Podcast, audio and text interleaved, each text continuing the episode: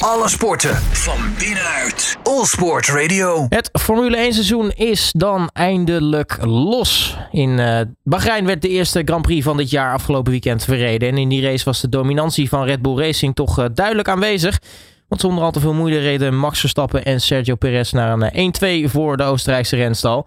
De strijd bij de Best of the Rest, die was juist des te interessanter. Uh, we gaan terugblikken op de race.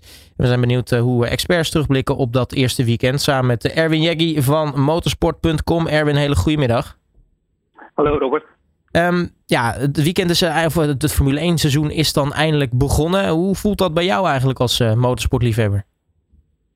Ja, de eerste race is toch altijd weer spannend uh, om te kijken hoe het dan uh, daadwerkelijk zit met die kasverhoudingen. Dus, ja, we zijn de hele winter aan het speculeren.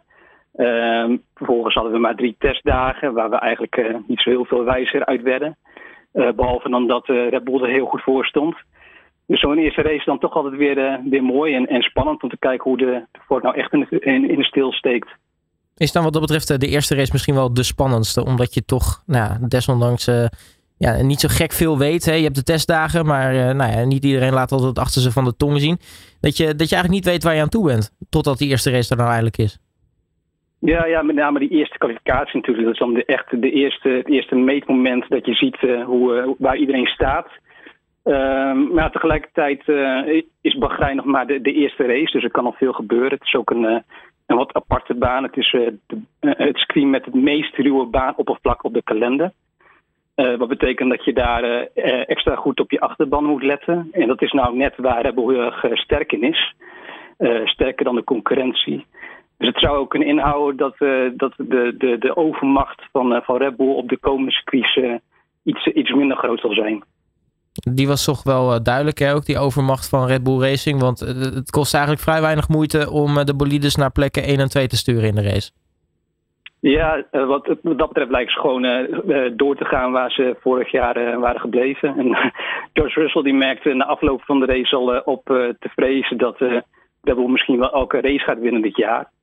Uh, maar goed, dat, is, dat valt nog te bezien. Uh, wat ik zei, Bahrein is, in, uh, is een wat aparte baan. Dus we moeten nog een paar races afwachten om echt te zien hoe, de, hoe, de, ja, hoe de situatie daadwerkelijk is. nu had Red Bull ook wel echt wel een goede start nodig dit jaar. Ze hebben vorig jaar natuurlijk een straf gekregen, omdat ze in 2022 het budgetlimiet hebben overschreden. daardoor mogen ze dit jaar minder tijd in de windtunnel doorbrengen. Dus uh, het was ook zaak om gelijk uh, vanaf de eerste race een goede auto te hebben. Aangezien ze dit jaar minder aan, aan doorontwikkeling kunnen doen dan dan de concurrentie.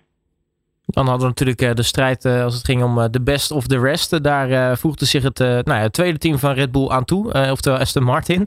Want dat, is, dat is wel het, ook het, opvallend natuurlijk aan, aan wat er gebeurt. ja, Aston Martin heeft natuurlijk heel veel mensen van Red Bull ingekocht. Je ziet ook gelijk dat de auto ook wel lijkt op die van Red Bull.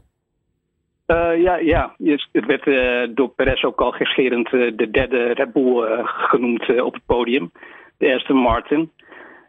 Maar ze hebben inderdaad Dan Fellows gehaald. die was voorheen hoofd aerodynamica bij, bij Red Bull. En ja, je ziet gewoon na zo'n eerste jaar onder, nieuwe, onder nieuwe technische regels... dat men eigenlijk allemaal de kant op ontwikkelt van, van het winnende team... En dat, uh, heeft, heeft Aston Martin heel goed gedaan. Uh, nu is het eigenlijk een team dat altijd uh, wel heel goed presteert met, met de middelen die ze heeft. Dus, het was voorheen Racing Point en, en, en daarvoor Force India. En dat was altijd wel een team dat met, met beperkte middelen toch wel wat leuke dingen voor elkaar kon krijgen. En nu, een paar jaar geleden, is daar met Lance Stroll een, een miljardair ingestapt. En, en nu beginnen we een beetje te zien wat het team kan met een, met een grote budget en met goede faciliteiten. Nou, nu uh, zien we dan nou ja, Alonso op het podium uh, terug. Uh, Stroll heeft natuurlijk ook ontzettend goed gereden. Wat, wat knap is, want nou ja, we kennen allemaal zijn verhaal. gevallen met de mountainbike. polsblessure, had nou, wat last van zijn van teen. kortom, was eigenlijk niet in orde, maar heeft het toch wonder boven wonder een hele race volgehouden. Ja, ja, dat is uh, inderdaad wel opmerkelijk. Um, u zei Alonso zelf uh, richting het einde van de race ook dat die auto eigenlijk uh, heel comfortabel is om mee te rijden. na de finish zei hij zelfs dat hij nog wel een uur langer in die auto had kunnen blijven rijden. is eentje over de baan, terwijl de rest al klaar was. Ehm, dus dat zal misschien ook hebben geholpen dat het gewoon een erg goede auto is. en, en, dat het fysiek misschien daardoor wat makkelijker te doen was voor Lance. Nou, het is wel weer leuk dat, dat Alonso weer bovenin terug te vinden is. Hè? Ik denk voor, voor heel veel racefans, ik moet zeggen, ikzelf in kluis, het toch wel heel erg leuk is om, om zo'n zo'n oude rot in, op het podium terug te vinden zo aan het begin van dit seizoen. Ja, hij is al eh, in de 40. Dat is eh, al flink op leeftijd eh, in, in Formule 1 termen. Maar het is inderdaad een mooi verhaal. Hij ging eigenlijk na het winnen van zijn twee wereldtitels steeds naar het verkeerde team toe. Um, naar McLaren en vervolgens terug naar Renault, Ferrari, wat op dat moment niet het beste team was. En daarna bij McLaren was het helemaal misère. En bij Alpine wilde het ook niet lukken. En nu lijkt hij eindelijk ja, een goede move te hebben gemaakt in zijn carrière. En nu is Aston Martin nog steeds niet het team waarmee je voor een kampioenschap kan gaan. Maar ja, het is wel een, eh, een, een, eh, een, auto waar je nu voor leuke resultaten, resultaten mee kan doen. Waar vorig jaar die strijd de beste op de rest voornamelijk ging tussen Ferrari en Mercedes, lijkt Aston Martin er dit seizoen dan uh, vooralsnog bij te komen. Als we het hebben over Mercedes en Ferrari, hoe vond je hun presteren? Ja, Mercedes is toch wel een gek verhaal. Want ja, Vorig jaar kwamen ze dan met zo'n auto met minimale sidepods. Dat bleek een verkeerde, verkeerde set te zijn geweest. Het concept was niet, niet goed. en ze hebben eigenlijk afgelopen winter vastgehouden aan het concept, opmerkelijk genoeg. nu hebben ze wel een soort van plan B al lopen. Dus Toto Wolff zei ook al na de race van ja, we hebben gewoon niet de goede auto gekozen. We moeten nu van concept veranderen. Dus ja, voor zo'n team als Mercedes is het wel erg opvallend dat ze uh, verkeerde richting zijn ingeslagen met de auto. En uh, ja, voor, voor Ferrari is er nog steeds, is nog steeds de motor wat een, wat een dingetje is. Ze hadden vorig jaar de, het vermogen is teruggeschroefd omwille van de betrouwbaarheid. de betrouwbaarheid van de motor hebben ze voor dit jaar verbeterd. De ontwikkeling van de motor ligt in principe stil. Maar als je dingen aan de betrouwbaarheid wil verbeteren, dan is dat toegestaan. Door die verbeterde betrouwbaarheid konden ze het, het, vermogen opschroeven. En dat was ook duidelijk te zien in de kwalificatie. Daar zaten ze nog redelijk goed bij. En dan zie je in de race toch dat de, de betrouwbaarheid uh, nog niet helemaal oké is daar. En ze hadden voor de race al een batterij en de control electronics, de elektronica, verwisseld. En tijdens de, race was er weer een probleem met de elektronica. we kregen zelfs een appje van de persdame van Ferrari dat de motor verloren was. Maar goed, ja, dan zit je al gelijk in de problemen als Ferrari zijn, aangezien je maar een beperkt aantal motorcomponenten mag gebruiken. Ja, dus uh, is het uh, eigenlijk Ferrari ook wat misschien een beetje doorgaat op de Tour van de afgelopen seizoen? Dat, ja, het is niet te hopen voor ze. Het was wel mooi om die emotie te zien bij Piero Ferrari toen, toen Leclerc uitviel. Ze hadden daar echt hoge verwachtingen van dit jaar. En het zag er aanvankelijk ook wel goed uit. Maar ja, ik denk dat Fred Vasseur, de nieuwe, teambaas, de nieuwe teambaas, daar nog wel wat werk te verzetten heeft.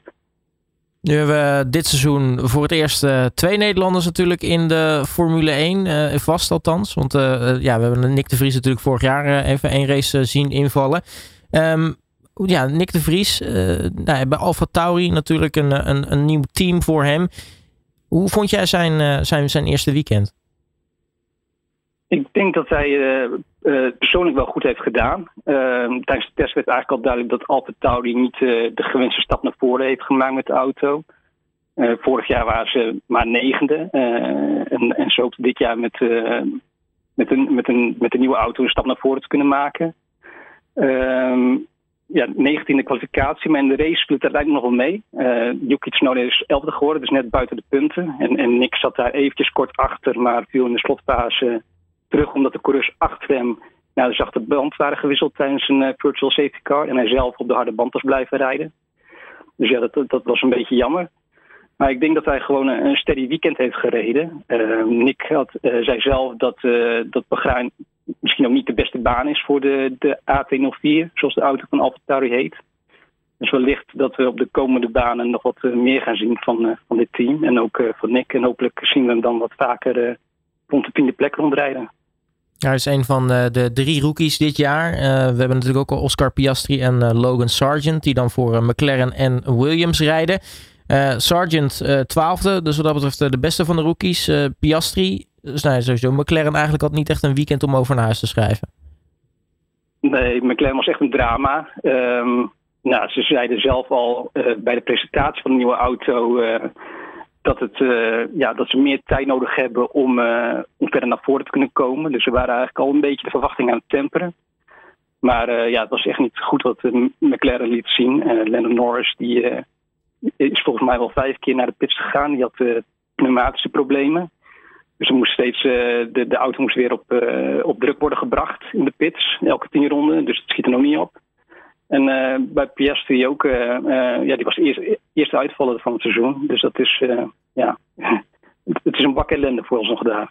Ja, Sargent mocht wat dat betreft terugkijken op toch een, een, een, beter weekend. Die had het eigenlijk prima voor elkaar. Ja, heel netjes. eerste, eerste race ook voor Williams teambaas James Files. En, en de, team, de teamgenoot van Sargent, Alexander Albon, die was tiende. Een punt gescoord dus. Dus uh, ja, dat is denk ik ook wel beter dan ze zelf misschien hadden verwacht uh, vooraf. Wat dat betreft uh, Williams, nou ja, in ieder geval een positieve om, om mee af te sluiten wat dat betreft. Ja, absoluut. Nu gaan we door naar Saudi-Arabië. Nou, niet een heel erg grote reis voor de rest, maar een circuit wat we kennen vanwege de hoge snelheid die er is. Wat, wat kunnen we verwachten van, van die race? Ja, wat ik zei, het is, uh, dat wordt een heel andere, heel andere race, een heel ander circuit. Uh, wat je zegt, uh, veel snelle bochten daar. ander baanoppervlak. dus daar kunnen we weer een ander plaatje zien, vooral in de, in het middenveld. want het zit daar zo dicht bij elkaar, dat, dat zal echt wel van race tot race verschillen. Um, ja, ik verwacht, verwacht Red Bull wel weer vooraan. Die waren gewoon zo oppermachtig in de eerste race. Die, die rijden gewoon weer uh, vooraan uh, over twee weken. En daarachter is het even afwachten of Aston Martin het vol kan houden. maar het wordt in ieder geval weer een leuke strijd met Ferrari en, en Mercedes waarschijnlijk. Dus we zullen het zien. Kortom, we kunnen ons zeer op verheugen. Erwin Jeggi van motorsport.com mag je hartelijk danken voor je tijd. En alvast veel plezier ook volgende en komende week. Ja, dankjewel. Alle sporten van binnenuit. All Sport Radio.